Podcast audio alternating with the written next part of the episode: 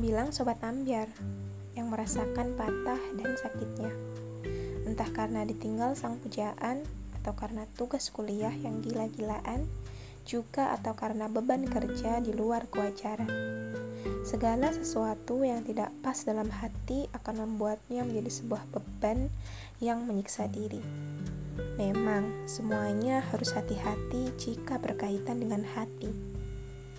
Beda-beda definisi, tetapi intinya berkaitan dengan hati.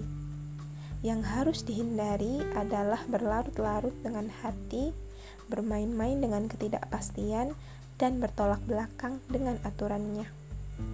Karena manusia memiliki naluri yang harus dipenuhi dengan sesuatu, cara yang benar, dan halal pastinya.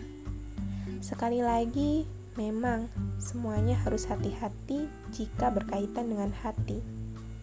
Jangan ambiar dan larut dalam kepatah hatian yang membuat inginnya rebah-rebahan, scroll-scroll anfaedah menghabiskan seluruh waktu di dunia hayalan.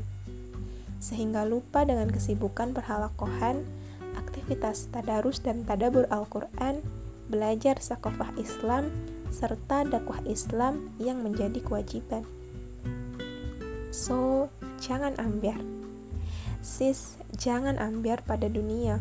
Allah cemburu jika kau terlena dan hanya peduli memikirkan diri sendiri, luput untuk mengingatnya, terjebak pada maksiat tanpa disadari, melenggang kasih pada hawa nafsu.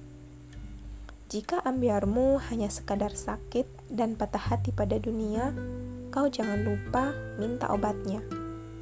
Membasahi lisan dengan untai mentikir, taqarrub ilallah, menyibukkan diri dengan hal-hal positif melingkar dalam ketaatan, berjalan dengan perjuangan, bergenggam tangan dengan kebahagiaan.